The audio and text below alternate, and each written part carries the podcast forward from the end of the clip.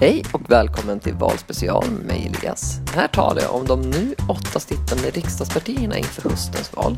Det blir ett parti per avsnitt och vi tar dem i storleksordning utifrån hur många röster de fick i förra riksdagsvalet. Det här är avsnitt nummer två och då kommer vi alltså att avhandla Sveriges näst största parti. Och det är det Moderata samlingspartiet som fick 23,33 procent av rösterna i det förra valet. Man heter alltså det Moderata samlingspartiet, men man kallas bara för Moderaterna eller för de nya Moderaterna. I den här podcasten kommer vi bara säga Moderaterna. Och vi börjar med lite allmänt och historia. Eh, Moderaterna bildades eh, för ungefär hundra år sedan. Från början var man ett konservativt och nationalistiskt parti. Det betydde att man brydde sig om de konservativa värdena, det vill säga de gamla sakerna. Man ville bevara det gamla och det nationalistiska att man brydde sig mest om den egna nationen, det egna landet.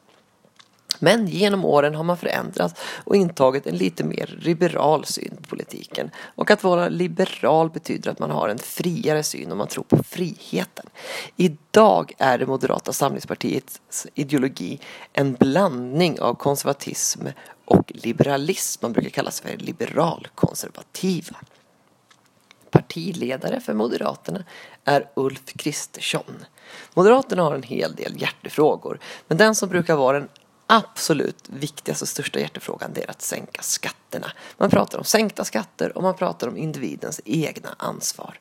Rättigheter, skyldigheter och möjligheter är en slogan som Moderaterna jobbar utifrån.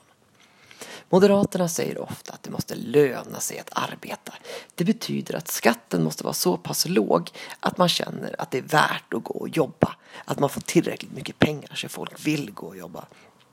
Det ska också vara låg skatt så företagen inte flyttar från Sverige till andra länder.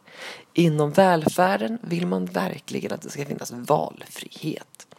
När vi ändå pratar om välfärden så kan vi prata lite om vad Moderaterna anser om skolan. Man vill att skolan ska prioritera kunskap så alla barn får sin egen chans att bygga en bra framtid. Och vad tycker man då om skolan som den ser ut idag? Jo, man vill förändra en del. Man vill att skoldagarna ska utökas med en timme per dag med start i lågstadiet.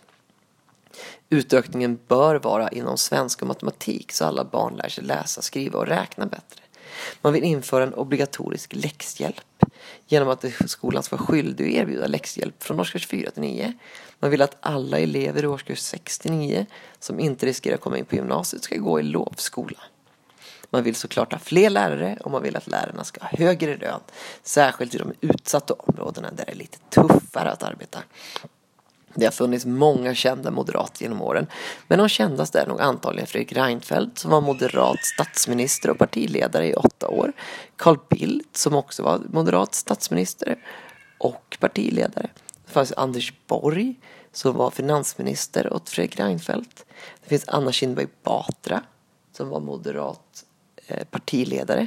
Det finns Beatrice Ask som länge var verksam inom Moderaterna och deras Eh, olika riksdagsgrupper. Vi tar och avslutar podcasten om Moderaterna där. Det finns mycket mer material och en lärarhandledning kopplat till den här podcasten på vår hemsida på www.vikarielärare.se.